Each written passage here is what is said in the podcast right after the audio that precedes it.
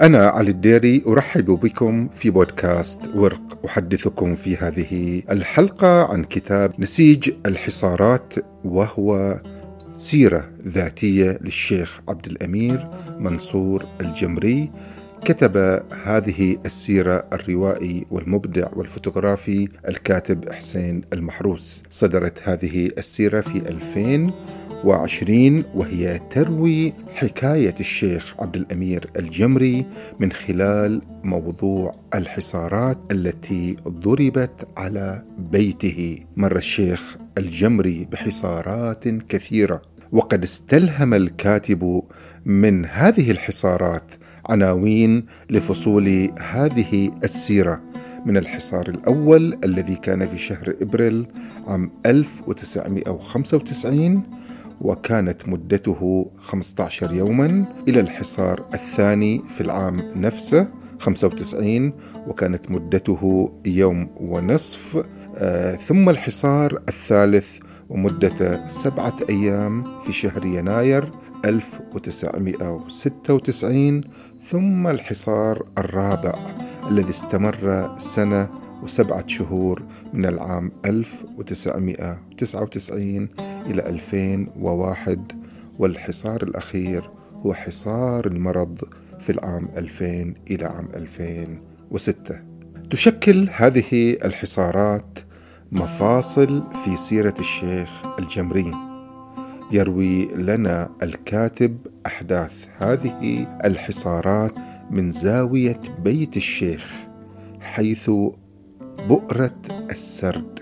ومن خلال هذا البيت يطل علينا السارد بما يحدث في البيت ويسترجع سيرة الشيخ الطويلة من ولادته إلى نشأته بين النساجين في بني جمرة إلى دروسه الدينية ثم انتقاله إلى النجف ترشحه للبرلمان في عام 1973 إلى تسلمه وظيفة القضاء في الثمانينيات ومشاركته بعد ذلك في العريضة الشعبية والعريضة النخبوية في التسعينيات وقيادته ثورة الكرامة في التسعينيات وصولا إلى الميثاق ودخول الشيخ في حالة الغيبوبة والمرض. من هو السارد هنا؟ من الذي يحدثنا من هذا البيت؟ من هو الراوي العليم بتفاصيل حياة الشيخ وحصاراته هي سيدة البيت أم جميل زهراء حفيدة الملا عطية الجمري الذي صاغ بشعره مخيلتنا الكربلائية أم جميل سيدة الرواية في هذه السيرة تخبرنا بما يحدث في هذا الحصار وكيف واجهته العائلة والحالة النفسية للعائلة خلال هذه الحصارات. تروي الدقائق من حياة الشيخ الجمري وتروي لنا أنفاسه خلال هذا الحصار والحالة الإنسانية التي مر بها ومرت بها هذه العائلة والمحنة التي خاضتها من خلال هذه الحصارات. وتروي لنا شيئا آخر. هو تاريخ هذه الحصارات. لماذا هذا الحصار على بيت الشيخ الجمري؟ ماذا قدمت هذه العائلة؟ ما سر هذا البلاء؟ وهذه المحنة وهذه الحصارات. ولماذا تلاحق أجداد هذه العائلة المحن والحصارات والهجرات. في هذا السرد الرائع والممتع يتكشف لنا نسيج آخر.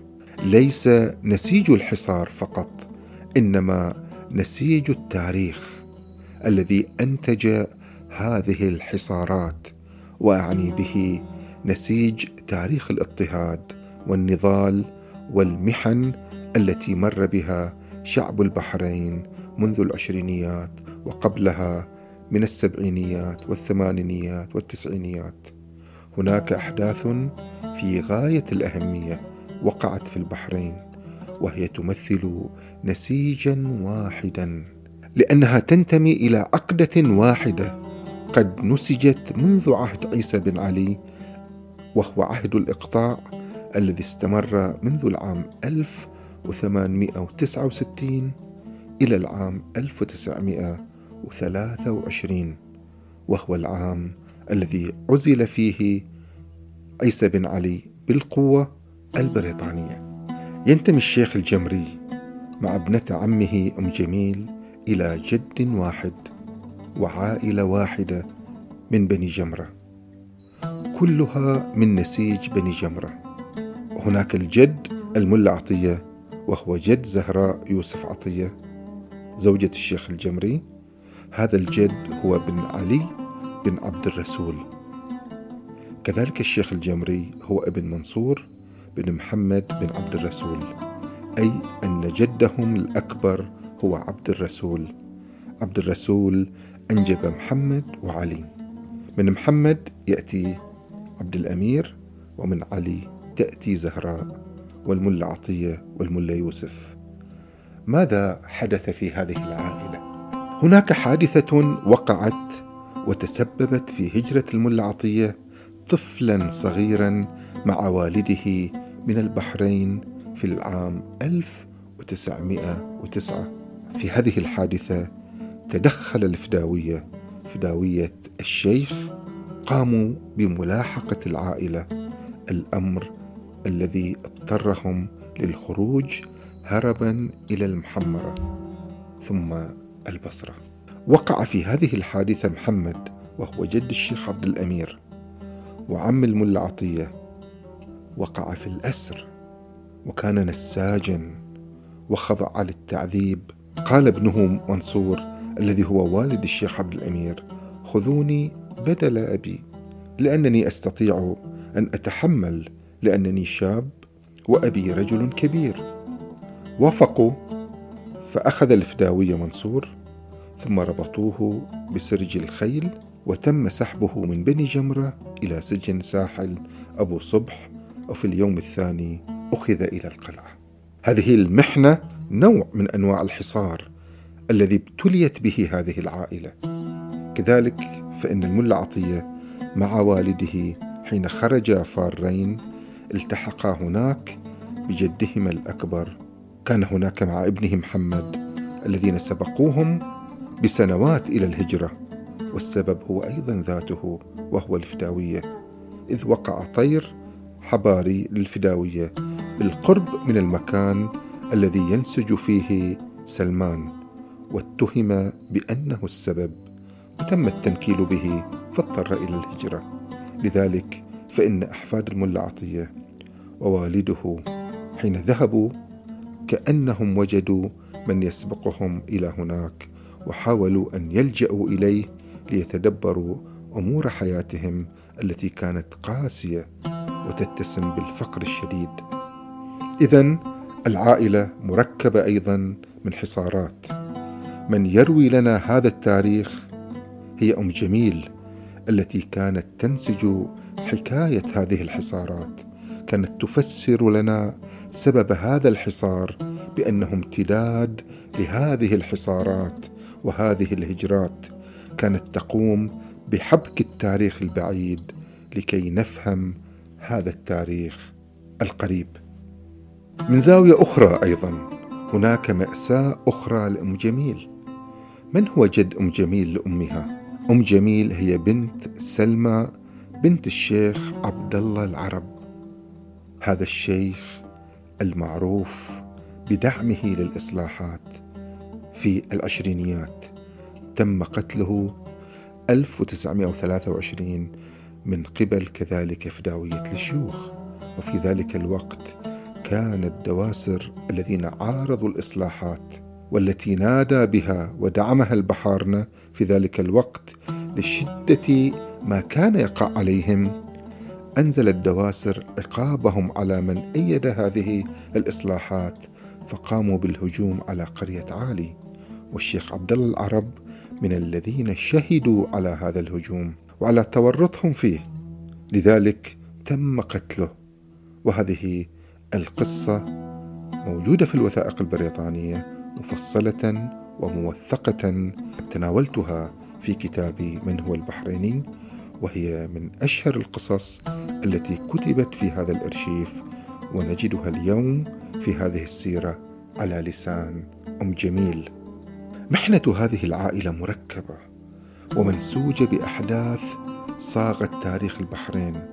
ويمكننا أن نقول كما أن أهالي بني جمرة ينسجون الثياب والخيوط ويظهرون من خلالها منتوجاتهم الجميلة ويتشكل اقتصادهم كذلك نحن من خلال هذا السرد الذي نسجته أم جميل في شكل حكاية رائعة وأقول هنا رائعة من حيث أنها تتيح لنا فهم التاريخ إلا أنها في باطنها مؤلمة ومؤذية وتحمل شجنا كبيرا وكأنها تمثل تاريخا أسود من العذابات. تاريخا أسود من العذابات التي مرت بها هذه العائلة. تمتد سيرة الشيخ الجمري في هذا الكتاب إلى مناطق عميقة وحميمية جديرة بالاهتمام لكن أكتفي في هذه الحلقة بالحديث فقط عن الحكاية الكبرى التي تروي من خلفيتها أم جميل وهي تربط اللاحق من الحصار بالسابق من الهجرة. أختم هذه الحلقة بعبارة دالة كتبت هذه العبارة على العلبة التي أرسلت في اليوم الأول من الحصار. فرض الحصار فجرا والناس نيام والعائلة كانت نائمة.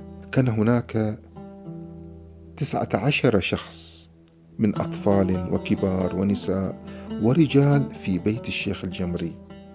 منعوا من كل شيء وأحضرت لهم كرتونه فيها وجبات الإفطار. كتب عليها كما تروي أم جميل. كتب عليها 19 مجرم. عبارة قاسية ومهينة. تجرم عائلة تمثل رمزا وطنيا للنضال. من رأى هؤلاء مجرمين هو نفسه. الذي رأى أجدادهم مجرمين فقتلهم ونكل بهم وهجرهم واتهمهم وأخرجهم من بلادهم. الحصار ما زال مستمرا والحصار على هذا التاريخ ما زال أيضا مستمرا. شكرا لكم.